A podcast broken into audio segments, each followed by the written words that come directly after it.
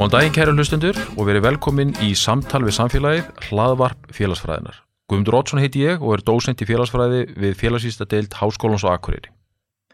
Myrkranetið svo kallaða, eða Dark Web, samanstendur af vefsíðum og öðru efni sem er einingis hægt að nálgast með sérstökum hugbúnaði, heimildum eða stillingum. Það sem myrkranetið býður upp á nafnleint og ímis skúma skot hafa hluta þess orðið vettvangur margskonar glæpastasimi. Til að fræðast meira um þennan myrka afkima internetsins fekk ég Kristoffer Copeland í settið en sá er rannsóknarlektor við Tarleton State University í Texas í Bandaríkanum. Kristoffer dvelur um þessa mundir við námsbröð Háskólans og Akureyri í lauruglufræðum sem NSF sérfræðingur á sviði netöryggismála. Now we will switch over to English. Welcome to the show, Christopher. Thank you very much. So, before we start talking about the dark web, could you please tell me how did you find your way into academia? Uh, so that's actually I'll, I'll try to surmise. Uh, it's actually a pretty long story, but uh, I started out in aerospace and computer science engineering as an undergrad. Um, and about my third year or so, decided that the math was not something I wanted to do for the rest of my life. Um, through some friends, switched over to criminology. Uh, graduated with a criminal justice degree from the uh, University of Texas at Arlington. Then uh, I went to work in IT, working some contract jobs for uh, various companies in Dallas Fort Worth. Uh, along that time, I got a job at what was then uh, Sabre, which was contracted to American Airlines.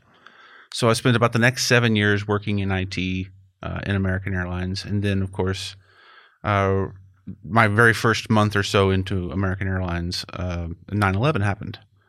I thought that would be a good time to go back to school and try to uh, maybe enhance my degree, get another a master's degree in criminal justice or criminology, and then go into law enforcement. You know, I was uh, trying to apply to the U.S. Secret Service and the United States Marshal Service, uh, and I sent those applications out while working on it but as grad school does, uh, sometimes you you take a right turn when you should take a left, and you end up somewhere you didn't think you'd end up, right? And and that's pretty much what happened to me. Uh, not only did I meet my future wife, uh, but I also uh, found uh, a better calling. I think so. I decided to um, to kind of forego my previous plans and concentrate on uh, not only finishing my master's degree, but working on a PhD at some point.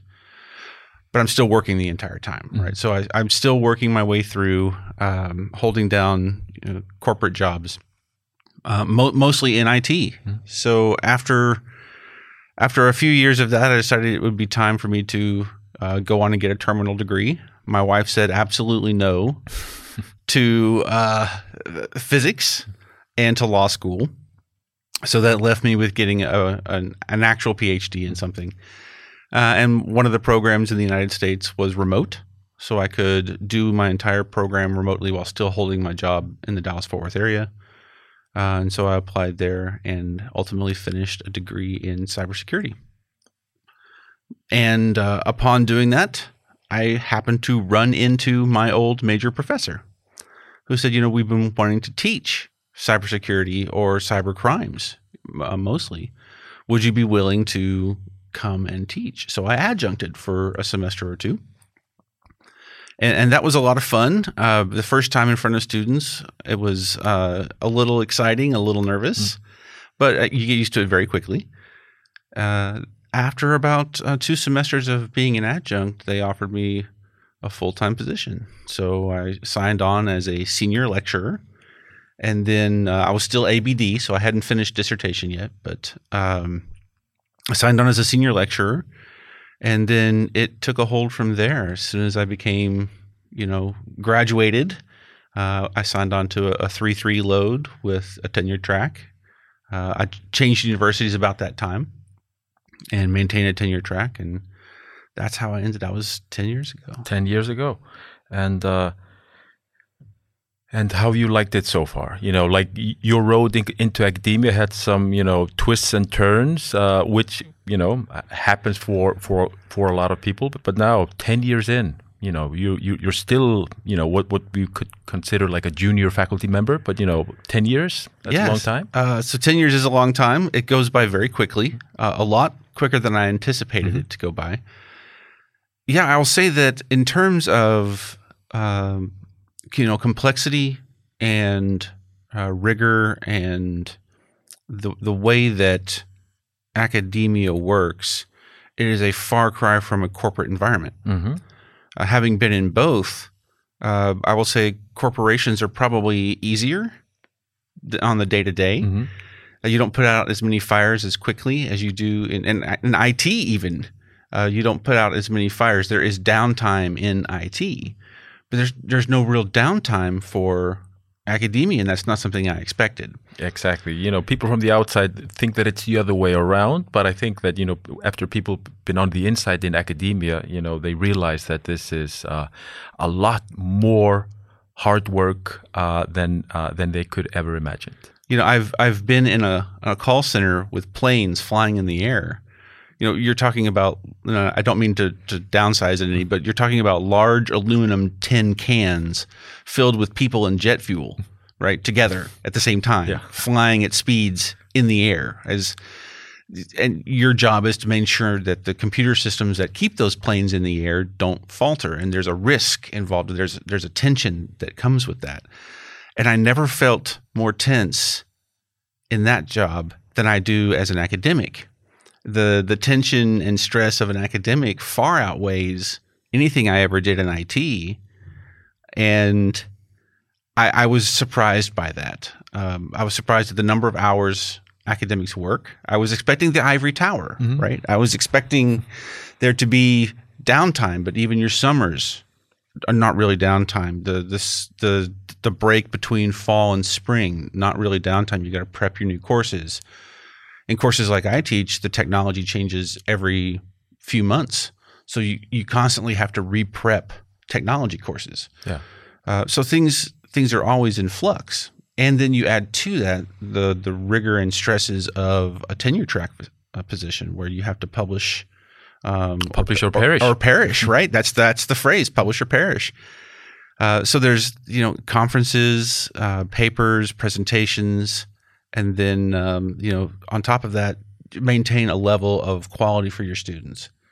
Not anything I had to do in IT. In IT, is the computer system running? Is there an incident report to fill out for it? Do you need to replace something? That, you know, do I need to reload this server? there's there's things you have to do that are you know stressful, but uh, it's not as constant. It's not as consistent level of stress as an academia. as in academia. Well, um, talking about academia, so uh, uh, looking at your CV, you've uh, you know uh, studied a number of things. Could you describe your sort of like uh, research agenda? You know, Oh. in few words. So, yes, by looking at my CV, you'd go, "What? Um, what is he on?" No, the the idea is I've always been interested in how law enforcement applies technology. I've always been a technologist. Um, I understand software and hardware very quickly. I learn technology very quickly. Uh, I learn how to adapt it, and I think that you know, when it comes to civil service, especially law enforcement, there's always been this um, this slowness to adopt technologies for ways that uh, it can be utilized. Some of that has to do with you know personal civil rights versus you know the technology advances faster than the law can catch up. Yeah. But the other ways, it's just a lack of understanding of how the technology works or how it can be utilized uh, to make law enforcement's job easier. Uh, a case in point: cybercrimes. Mhm. When I was coming up uh, through academia, there was a course called investigations, and there was a course called economic crimes, and computer fraud was taught as a subsection of that. And when I introduced the idea of maybe teaching a cybercrimes course as an undergrad, right, I was met with not necessarily hostility, but a lot of, well, you know, we teach that in economic crimes. Yeah. And I'm like, you have no idea what. And this is the the mid to late '90s. I said, you know, there's there's cyber crimes going on right now that you are unaware of. This is this will be the future. Yeah. Uh, by the time I got to graduate school, other universities were starting to teach courses on cybercrime, and a couple were starting to include it as a track as an undergrad. So I, I've always had that technology aspect to it. So that's why when you look at my my resume and you see my CV, you'll see criminology, criminal justice, criminology, criminal justice, cy- cybersecurity. Yeah. Uh, the, the bridge has always been a mix of technology and criminology together. And so that's that's kind of my research agenda. The overarching umbrella being how does how does technology get applied in law enforcement settings? Yeah. And so, um, so you are uh, in the mid 1990s, where cybercrime is very far from people's minds. So you consider yourself a bit of a trailblazer when it comes to you know marrying you know let's say technological uh, solutions and law enforcement, or at least like an advocate. i, I would certainly say advocate. Yeah. Right. I, I am not. I- I, I guess I'm far more humble to ever call myself a trailblazer. trailblazer. right. But the, the idea that um, you know I I wasn't the only one seeing this in the literature and in the books I was reading at the time. Um, I wasn't the only one uh, doing it. So in the mid to late '90s, it, it, although it was illegal, it was not really enforced for you Yeah. to go out and try to break the security on a dial-up server or you know they called them BBSs they were bulletin board Yeah. servers bulletin board systems it was not impossible to break a bulletin board system at the time so people did that that was just something that we tried to do Yeah.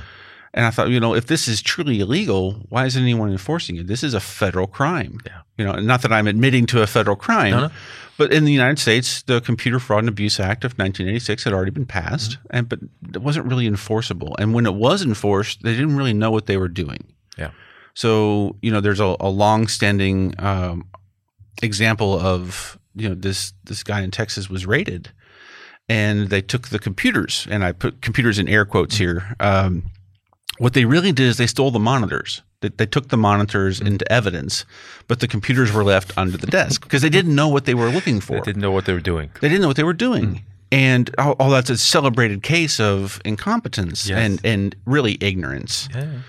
Um, you know, a, a lot has changed obviously since then. Uh, now, now agents understand. They, they know what an IP address is. They know how to trace them. They know what a Bitcoin wallet is. They know how to trace them. But it's because of advocates that they've gotten this information, and it's the need to know how that technology works, which Yeah. is what I really what I'm really into. Well, you mentioned lag, so like a cultural lag that our, you know, uh, ideas and uh, and methods are lagging behind the technology. Uh, would you say that you know that we're still very far behind the technology? That we're maybe o- always bound to be lagging behind the technology? I would say that certainly law enforcement's always going to lag. Hmm. Right? That, that that lag is always going to be present when you discuss the the application of new technologies into a security or, or law enforcement setting. Minus certain agencies. Hmm. In the UK, you could say minus MI5, minus MI6. They they get a little bit of special cases to deal with. The FBI, CIA, NSA in the United States get a little bit extra extra leeway, but they have the brain power to do it Yeah. right? They've attracted the appropriate people into their services to help with that. But you know, the average the average curriculum developer isn't going to understand the the how deep fakes are going to impact criminal culture. You know, when you know, I I think it was just a couple of days ago, Apple received a patent for the ability to use um, deep fakes as a way to um, I can't remember exactly what the patent, but the Apple received a patent basically on deepfakes. And if Apple, re, you know, utilizes that technology in, in such a way as to benefit their customers, well, benefiting their customers with privacy in mind impacts law enforcement. Mhm. When you have a scene of a crime and you you take that newest iPhone, whatever version it is, and it and it uses artificial intelligence to unlock security, how is that going to help in obtaining evidence? Yeah. So there's always going to be that technology lag. And then the understanding of how that technology works. You know, what do I need to do to sign um, a subpoena to a judge? You know, if a probable cause affidavit in the United States. How do I explain to a judge who's been on the bench for 20 years, who has no idea how his own phone works? Yeah. you know, how the the iPhone 22 Yes. works, Yeah, right? yeah. Uh, so those those things are always going to be present, I think. Yeah. Un- unfortunately. Okay. So, uh, how about we take like one step back because we're talking about cybercrime. Okay. So, how about we just explain like what what's different, like what makes cybercrime different from your regular crime? So uh, whenever I, I teach the cyber crimes as an undergrad course, and, and I do it face when I do it face to face, uh, I like to say, you know, let's let's ask, you know, what do you think a cybercrime is? And so someone will a crime committed with a computer. I said, oh, so if I pick up, a, and I don't mean to be violent, but if I pick up a computer and I bash your head in with it, is that a cybercrime? Yeah. and they're like, well, no, that's assault. And Yeah. they're like, you're you're right, that's mm-hmm. assault. I, I, you know, what's the difference between hitting you with a computer and hitting you with a rock? Yeah. you know, you know, if I take a keyboard and hit you with it, it's not a cyber crime, right? Yeah. So there has to be an element of cyber in mm-hmm. it. It can't Yes. just be a, com- a computer crime. Yes. The the idea there is that it takes place over some sort of network, hmm. whether that network is the internet, the global network of all networks, or a, an internal network, um, or an intranet. You know, there there has to be some level of networking or um, uh, connectivity uh, to, to to really count as a cybercrime. And definitions vary, uh, but I think that's the overarching umbrella definition that there has to be some sort of network connection in order for there to be a cybercrime. Yeah. So so it can both be something that's enabled, you know, so it could be a typical crime like selling drugs that it, you, that you can just do on a larger scale because you have, you know, computer uh, connectivity, but it can also be then crime that was only possible because we have computers, like you know, phishing. Everyone has had you know this uh, email, right? You know, you've won a lot of money. Just Yes. enter your bank the information. here. Nigerian prince type of uh, stuff. It's called yeah. Nigerian four one nine scams. Yeah. Um, yeah, I, I think without that connectivity, Yeah. what you're really talking about is just a fraud, Okay. or, or, or a computer crime. Okay. Uh, and there's you know there's various typologies that are available for um, classifying cyber crimes Mm-hmm. or computer crimes, and, and those typologies are well established in the literature. Mm-hmm.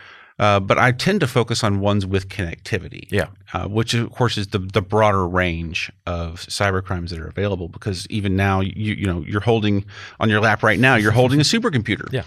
uh, or what we would we would define back in the day as a supercomputer, Yeah. right? Uh, so you know, you know that computer has access to a cellular network. It has access to the internet over Wi-Fi. You can obtain information instantly Mhm. on that cell phone. So the, the fact is, cybercrime has a much more broad appeal in terms of crimes committed over even over mobile networks. Yeah. Someone told me, and correct me if I'm wrong, that, you know, when they, you know, landed on the moon, you know, that the computer, you know, technology that was like uh, being used was, you know, less than on like a Nokia 510 phone or something. Oh know? yeah. well, uh, you know, you you measure computing in in ter- uh, well in flops. Yeah. Uh, and that's floating point uh, per second. The number of calculations a floating point decimal can make per second. And then uh, we went from flops to megaflops to gigaflops to teraflops. Now we're we're measuring computers in, in petaflops. Oh, never heard that before. Yeah. so it's it's I, I think I may be wrong. I'm sure somebody will correct me. Uh, Ten to the twelfth power in, Okay. in flops, and uh, most cell phones fall into the the teraflop range, which was bigger than a Cray computer, the largest supercomputer of the 80s. Oh, the 80s. Okay. So by by the time we hit the early 2000s, we were already Moore's law had already surpassed supercomputers of the 80s and and, and 90s. Okay. Well, um, so talking about um, you know crime committed online. Well, uh, so I think a lot of people you know have some idea of what uh, we mean by cybercrime, and maybe have been victims of cybercrime, whether they know it uh, or not. Uh, but the dark web.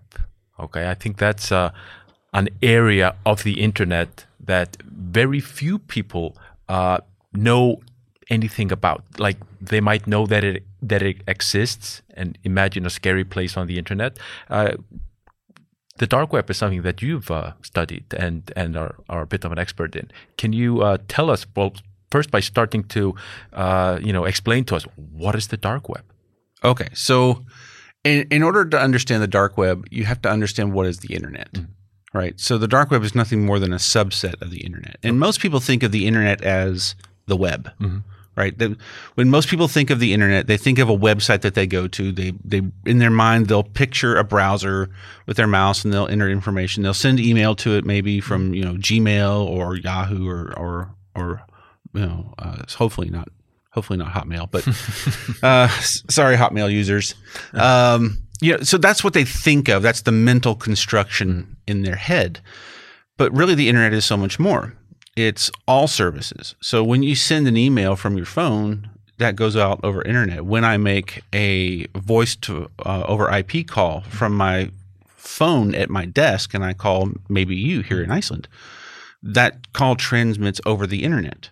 You know, it, it may bounce off a satellite and come back down, or it may go across one of the transoceanic cables. But that's that's the internet, right? It's it's more than just the web. It's email, it's voice over IP, it's file transfers, it's all, all of these services that every app on your phone or every app on your application uh, that your computer uses. So the web is just a subsection of that. It's in, in fact, if you look at a web browser and you look at the first four letters of any website, it'll say HTTP, Yep. Hypertext Transport uh, Protocol. That's just the protocol that uses web. So the dark web is nothing different than that. Okay. It is a subset of the internet that uses web, right? But it's not accessible through a normal browser. It uses a very specific protocol called an onion protocol. Now, here's the funny thing about the onion protocol it was actually developed by the U.S. Department of Naval Research Laboratory uh, in the United States as a way to keep communications uh, secret or uh, interceptable but not decryptable by our enemies, by our military adversaries or our political adversaries. So you can thank the dark web on the Naval Research Laboratory in the United States. They're the ones who came up with it. But it was such a good idea because it allowed communication to be non-intercepted and non-traceable. And that's kind of what you want in a in an area of the world where democracy is not necessarily uh, rampant Mhm. or where there's you know there's issues getting around like China's Great Firewall, or you know you have protests going on in Iran right now. There are ways to get that communication out. So it's a double-edged sword. The dark web allows for these kinds of things as the the protocol allows for Yeah. it. But on the other hand, it's not traceable, right? And it's uh, it's obfuscated and encrypted. So it, not only is it difficult to find, it's difficult to trace, and that makes it ripe for illicit services. Yeah. And that crime uh, that can take place on the, the, the quote dark web um, is what I'm interested in. Mm-hmm. Yeah. Uh, it's one of the things I'm interested in, but it's probably my most favorite interest Yeah, yeah. because of its illicit nature. When I first started looking um, on dark web, I was like, one, how does the protocol work? So I, I- I learned how the protocol works, and this is, I don't know, 2012, 2011 or so Okay. when it when it finally got solidified enough that everyday people could download the software and utilize it. Well, what's out here? And whoa, was I surprised by what was already available, uh, both legally and illegally. Like um, one of my favorite authors is Isaac Asimov. And somebody had put up the Imperial Library of Trantor. And if you've ever read any of the Foundation series or if you've ever read any of the Trantor series, you know that that's the galactic repository of knowledge in, in his universe. And they just put up free books. All the free books they can find, they put up on the Imperial Library of Trantor. I thought, well, that's fantastic. What a what a novel idea. Then, I, well, what's what else is novel here? And I find all these gun sites, sites that are man, selling manufactured firearms. Um, and I thought, well, that would be an interesting study. One, is it real or is it a scam? Two, if it is real, how often does it change? Three, what kind of weapons are sold? You know, when I think of illicit arms sales on the internet, I think of like ex Soviet bloc Yeah. massive weapons because NATO countries would be tight arms controls, right? Uh, so I thought, well, that would be a great research question. So that's what started me on dark web research. Okay. And uh, uh, so when you know when people think of the dark web, they think first and foremost that about the illegal stuff. You know, Yeah. can we assess? Uh, you know, if the you know dark web is this subset of the internet, like. Could you quantify, like, so how much of the stuff that you know of the activity that goes on there is illegal, uh, or and and how much of it, uh, you know, could be you know classified as you know just just legal? So I, there have been attempts to quantify it. Okay. However, every every attempt to quantify it has a you know in academia we have a limitations section of every paper right Th- these are the limitations uh, the limitations far outweigh the ability to quantify it Oh, okay. so there are estimates out there but the estimates can change daily Okay. so there's no what in my opinion there's no real way to quantify the number of pages out there and to quantify um, how many of those are illegal or illicit in nature. So it it's very difficult to say that it would it would be inappropriate for me to say like well 32% Yeah. is Yeah. illegal, right? When it could be 5%, but that 5% garners 90% of the traffic. Yes. Th- there's no way to really know that. Yeah. So um, if we look at you know the the dark web uh, and you know I, you know try to think of this well from my layman's perspective when it comes to the dark web.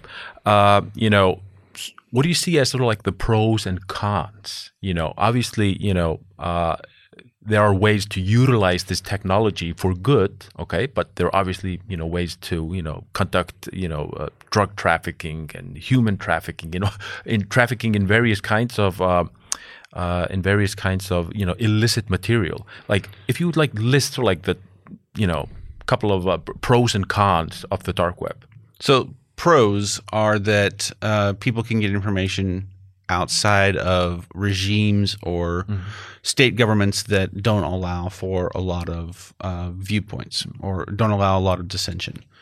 So opposition views can get out. Yeah. Iran's a good uh, example of that. Sometimes uh, people from North Korea are able to get information out, and it comes from China all the time. Okay. So in, in those regards, it's good. Uh, you could argue easily whether or not WikiLeaks provided the service, but WikiLeaks was uh, had a dark web presence. Um, so you, you could easily argue that you know some of the corruption that was um, released on WikiLeaks Yeah. provided a service to the, the global community. Mhm.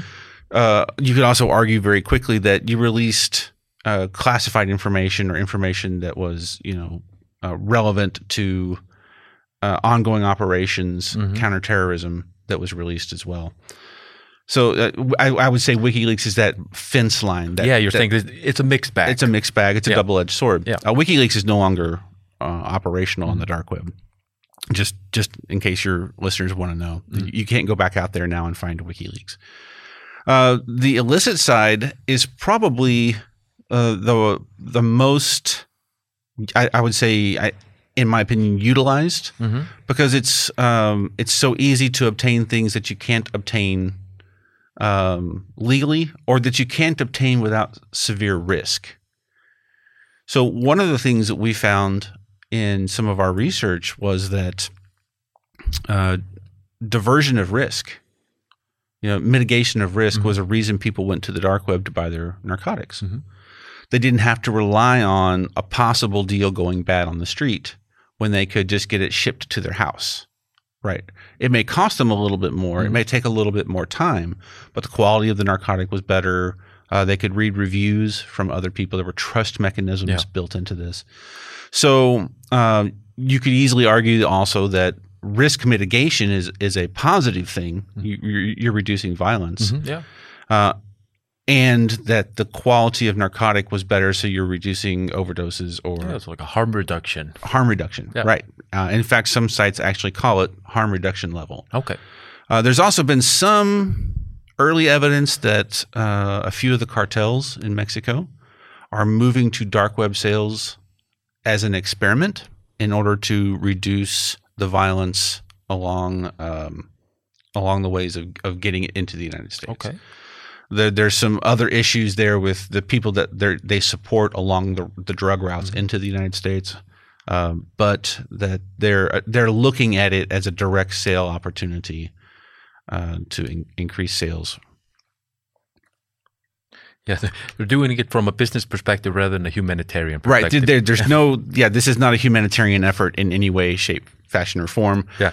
Um, you know, every time that I, I think of somebody, you know, that that first person who walks into a cybercrime class, or the first person who walks into my dark web class, and they they have this mental picture of you know a hacker, mm-hmm. and they have this, and I, I, I you can find one very easily. Mm-hmm. You just type into Google image search hacker, you will find some guy in a turtleneck with a face mask, a ski mask Yeah, yeah. on, or they'll have a, a a cap, a beanie cap with a, a little spotlight Yeah. above their head, as if they're hacking somebody in the dark Yes. uh, in some closed room in some business room, and, and that's just not what dark web is. No. um, the dark web is a lot more light than people think. Yeah. Uh, it's it's very vivid. But yeah, I, th- I think that the the narcotics and the what we call crypto markets, markets that sell these services and goods, are probably the most interesting because of the, the types of services that they offer, the types of products that they offer, and how they offer them. Like that, you see very quickly market dynamics come into play, uh, customer service dynamics come into play, Yeah. uh, and and those aspects are absolutely fascinating. So, so you would say uh, that uh, you know uh, not just cybercrime, but you know the dark web has sort of like changed the character of crime. You know, for, you, you you mentioned drug, the drug trade, uh, and we've seen this in Iceland. How uh, you know uh, a lot of uh, you know sales of drugs have moved. You know, even just to social media. Uh, and uh, so, so that means there's less, you know, uh, transactions on the street corner, and and more that just you know takes place, uh, you know, uh, online. So would you say that you know the dark web is in some fundamental way changing the nature of crime? I would say it's certainly changing the nature of narcotics crimes, right? Um, I, I don't know that it'll have an impact on you know traditional crimes like you know robbery, burglary, uh, but it certainly has had an impact on uh, crimes that are committed either in person and then move online, what we call transitional crimes, or crimes that are start online and move to the real world. I think the dark web has certainly, especially with drugs and, and maybe credit card fraud, moved that uh, explicitly to its own domain. Okay. Do you, is it is it increasing the amount of crime, or is it just you know moving it around? I think it's moving it. Uh, I have no empirical basis to say that that's, just, that's just an opinion. Yeah. Uh, that that is my complete intuition that it's it's moving it, but it's not it's not going to replace it. Um, as an example, credit cards. Uh, most credit cards are not stolen in online database hacks. Most credit cards are skimmed. Okay. So what that means is somebody has installed a skimmer at a high volume place, like um, you would call it Petro here. So uh, a fuel depot, uh, a convenience store that sells uh, petrol. So credit cards are skimmed more than anything else, and those credit cards are collected and sold. Uh, so that's an in real life crime that transitions to online. Those credit cards are typically dumped on the dark web. There's very fast, easy places to dump them. You could sell them somewhere else, but why when you know that there's a place that will allow you to sell them and that there are customers actively looking for them? Okay. So I, I, it certainly has made it easier for these sort of transitional crimes, uh, and that's why I think more and more people are, are moving to it in order to initiate those kinds of scams or frauds. Yeah, and we can see this, you know, by looking at, you know, where uh, police forces, uh, uh, you know, target. Well, how to phrase this? How police forces are, you know, changing their strategy to fight crime. You, they're obviously devoting a lot more resources to cybercrime, although probably advocates like yourself would argue that they would need a whole lot more. I'm never going to argue for less, right? So yeah, the, I think the idea there is that the the more you advocate for it, the more awareness you bring to Yep. it, right? the the training that I have provided uh, through various presentations to, to law enforcement or to students who were in my class who were in law enforcement is usually the opening salvo. It's usually the the first steps in, hey, you know, we want our department to have someone at least knowledgeable, or we want to be able to to have someone come in from a task force or to provide someone to a task force to represent our department. Because you know the United States police departments are all uh, independent. You know, there's I think there's 2,500 law enforcement agencies just in Texas, so every one of them has someone, but it typically is the person who knows computers Mhm. or someone who feels comfortable around computers. That's the person I get usually starting off. I train them a little bit. They come to a class, they they take a course. I go out to their department and offer hands-on training, or they come to a, a presentation. That just opens the door for them. Yeah. So I can never argue for less. Yes. I can never argue for status quo because the technology constantly changes. And if you're not constantly evolving to that technology change, um, then you're, you're going to get left behind and not know how to operate the next app. You know, five years ago, TikTok didn't exist. Or if it did, it was in its infancy, Mm. right? There were other apps that were more more popular. Uh, Vine is a great example. Periscope was a great example. These were the the TikTok apps of the day, and now those guys are gone. Mm. So now you're left with law enforcement trying to intercept TikToks and you know and utilize that technology without really understanding what the difference is, how the platform works. These are all things of just changing technology that they Yeah. have to adapt to. and uh, and you can see that you know if you look at the United States, you can obviously see that the you know that the government uh, uh, is trying to raise awareness uh, uh, of uh, let's say the the seriousness of uh, of, of cybercrime and. Uh, and you can see this also in you know in, in various different countries, and uh, and you are here in Iceland uh, as uh, a Fulbright uh, specialist in cybercrime and critical infrastructure. Okay, and that one could argue that that's part of like a like an acknowledgement of the of the fact that uh, cybercrime respects no national boundaries. You know? It really doesn't. It really doesn't. Uh, and uh, and you've been here uh, in Iceland for uh, a, a few week, weeks now. So how did that come about? Uh, so I was interested in uh, some of the other faculty members. Uh, my university, Tarleton State University, has had three Fulbrights, and it's a it's a very uh, I won't say rewarded, but uh, certainly somewhat prestigious mm-hmm. and respected in the field to obtain, obtain a Fulbright. So mm-hmm. I was just curious. Mm-hmm. You know, I'm I'm a tenure track. I'm I'm considered a junior faculty member and but I've got all this experience. And I thought, well, what kind of Fulbrights are out there? And then I learned about the specialist, uh, the specialist program. I thought, well, what what kind of positions out there? And I thought, oh, well, this guy, you know, they want an engineer in Uganda. I was like, okay, well, that's that's not necessarily where I would want to go. And the very second thing I looked up was that there had been a Fulbright specialist in cybersecurity in Iceland.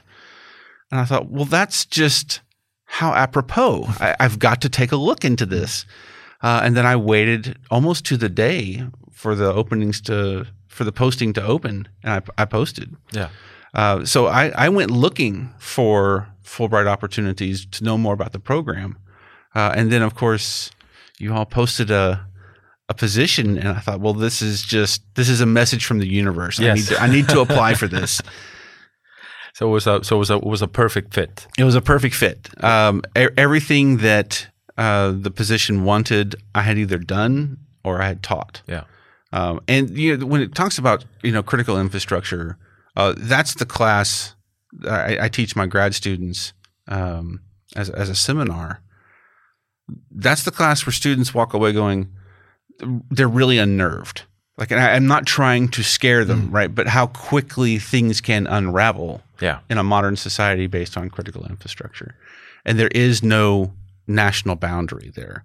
Uh, critical infrastructure is is quite international, and most of it's on the internet. Yeah, and I think you know when people do start thinking about this world of cybercrime, you know they they focus more on the crime rather than on you know how to stop it. Like how do we build you know quote unquote firewalls uh, and, Yeah. uh, and and and build in these uh, safety w- safety wells. Yeah, Well, and to to top that, they never also think about, or, or at least s- students and people of of the day to day don't always think about the ramifications of that crime. Mm-hmm. So everybody kind of now expects there to be cyber crime. Yeah. Right? It's it's not a matter of when I get ha- it's not if I get hacked. It's when I get when- hacked. and how much? Yeah. And, and how much have they stolen? Uh, you know, I had a credit cards swiped in the Czech Republic that ended up getting used in Poland, and my bank has a service, and they just email me say, "Are you in Poland?" I was like, "No, I'm not. I'm, I'm in I'm in Wales hmm. actually." Hmm. And they said, well, "Okay, well, we're going to stop all the transactions in Poland." I said, "Well, just go ahead and cancel the card." So. You know, there it's getting there in Yeah. terms of stopping it. You're not going to stop it. You're going to mitigate it you're going to reduce it to some degree or you're going to raise awareness to to mitigate the losses Yeah. but what are those losses and the the outcomes there are what people don't think about the the, the loss of GDP for a country um, the the loss of data Mhm. and trust in a in a service. Uh, if you know Yahoo gets hacked again for the umpteenth time you know how much do you trust Yahoo services after they lost 1 billion records?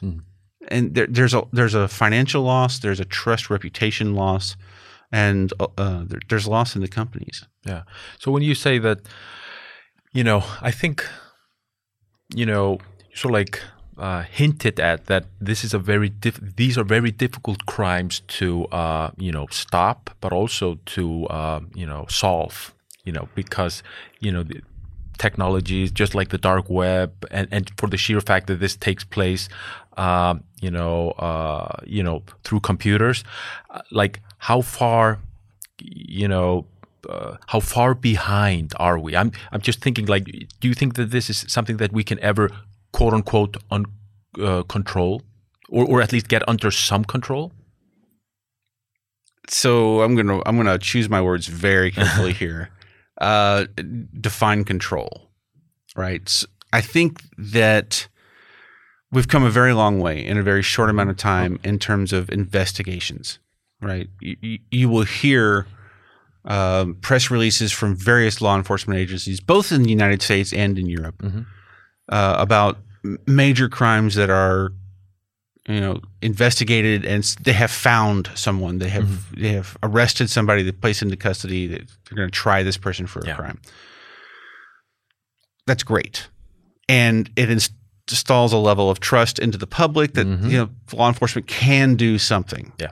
But I think for for every one that you put out there, you're missing thirty or forty that go unsolved, and it's just a matter of resources. Yeah. What do people fear for to apply the resources to, or you know, what do people need? Mm. Uh, do do I fear violent crimes more than cyber crimes? Well, if I do, then I need my resources to go to those areas. Yeah. So I, I think that the the amount of control will depend heavily on the amount of resources that are always provided. Yeah. And it's not ever going to be, even though I think financially it does far more damage. Yeah. Right. I think cyber crimes do far more damage to the society and community than violent crimes do, or you know, uh, what we call property crimes. Yeah. But I think also that's not what drives fear. Oh, that's not. And the perception of the public is always going to be I need protection from murder, I need protection from robbery, I need protection from, you know, being stabbed. The, these are the, the the fear of crime perceptions that I think will always take precedence. Yeah. Uh, which is which are distorted by the media and the social media. Always uh, always distorted by the media. And so you, you know, because when you st- said that, I started thinking about, you know, white collar crime versus uh, street crime, which of course, you know, white collar crime, you know, is infinitely more, you know, you know, dangerous if we look at, you know, uh, like lives and money lost. If we look at something like, you know, uh, online crime and dark web in particular. So, you know, how much of the stuff that's going on on the dark web uh, is white collar crime as opposed to, you know, typical, you know, uh, you know, drug trafficking, you know, uh, dealing in, you know, stolen, you know, petty petty mat- material. Right. So there's certainly examples of what we would could qualify as white collar Yeah. crime taking place on the dark web. Um, there are places that offer. I mean, you have to know someone to get in. Yeah. So I've never been able to infiltrate some of these forums, but Yeah. it's stock tips, Ah, yes. right? So the. New York Stock Exchange stock tips or penny stock stock Yeah. tips. So they're collaborating together to either uh, bump a stock, Yeah. and and then you know let the market crash on it. So you, it's like facilitates insider trading. Yeah, it, well, I mean, it is insider Yeah. trading. It, by definition, it's insider trading, and they're sharing these stock tips in a closed forum. Then they all go out and make independent uh, stock trades scattered around the world. So it Yeah. doesn't look like it comes from No, anywhere, yeah. but it's certainly well organized and it's certainly uh, well choreographed, Yeah. right? But you have to know someone to get in. Yeah.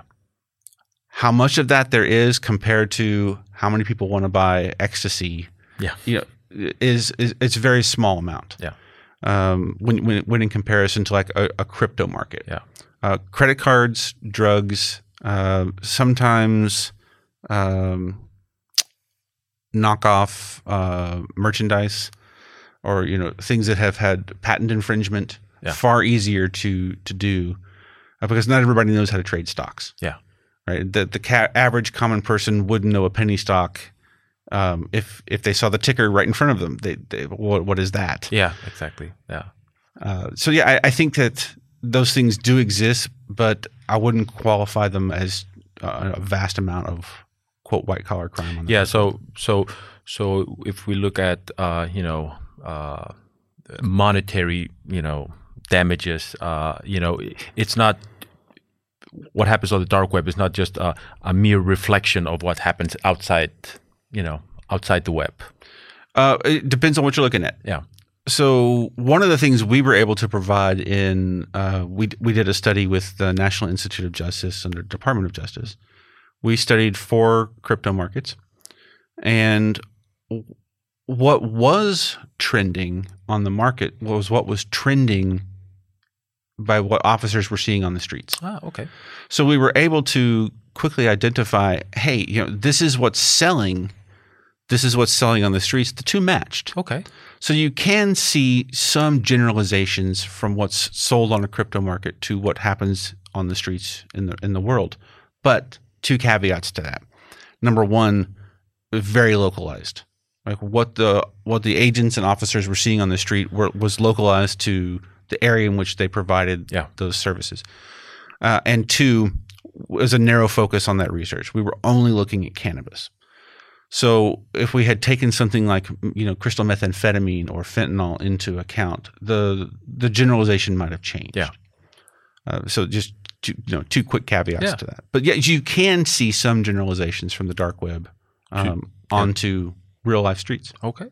Well, uh, uh, while at the University of Akureyri, uh, you gave uh, a public talk, uh, you know, on the dark web. Could you tell us a little bit uh, uh, about that talk? Yes. So since the the data from our other study isn't uh, publicly available yet, I can't I can't openly discuss those markets, right? I can I can generally discuss those markets, but I can't showcase any of the data yet. So I decided instead of going through all the hoops, I would showcase a, a different market altogether, and I chose the market Alphabay. Uh, Alphabay was a, a market that had been around several years ago and, and then shut down. Oh, they reopened. Now it's not necessarily the same people. We don't actually know. Uh, but what I did is I collected some data to showcase what a what a crypto market looks like. You know, these are the products and services that are available on a crypto market. Um, you know, kind of some of the mechanisms that are built in for trust. You know, to make sure that a, a vendor has a good rating or that the, the drug is what you, you know, you're going to get what you pay for. Uh, how a market operates, uh, some of the security factors in a crypto market, like you know, how long does it take to get past DDoS? How long does it take to to make sure that you're a human, a CAPTCHA test? Uh, and then took people out live on a dark web uh, ex- excursion to that market. Uh, the university was kind enough to uh, open open those ports up a little bit, and uh, working with IT services, I didn't do this on my own. uh, working with the IT services at the university, uh, we were able to give a live demo. Okay, excellent. Well, uh, we could probably talk about this for hours. You know, there's so much about you know cybercrime and uh, especially the dark web that I d- don't know about, but we have to put the dot somewhere. So I think I'm going to just uh, thank you very much for a really uh, in informative chat. Thank you very Thank you much. very much. It was a pleasure. Og fyrir ykkur hlustundur, þakka ykkur bara kærlega fyrir, fyrir að hlusta. Þá til næst.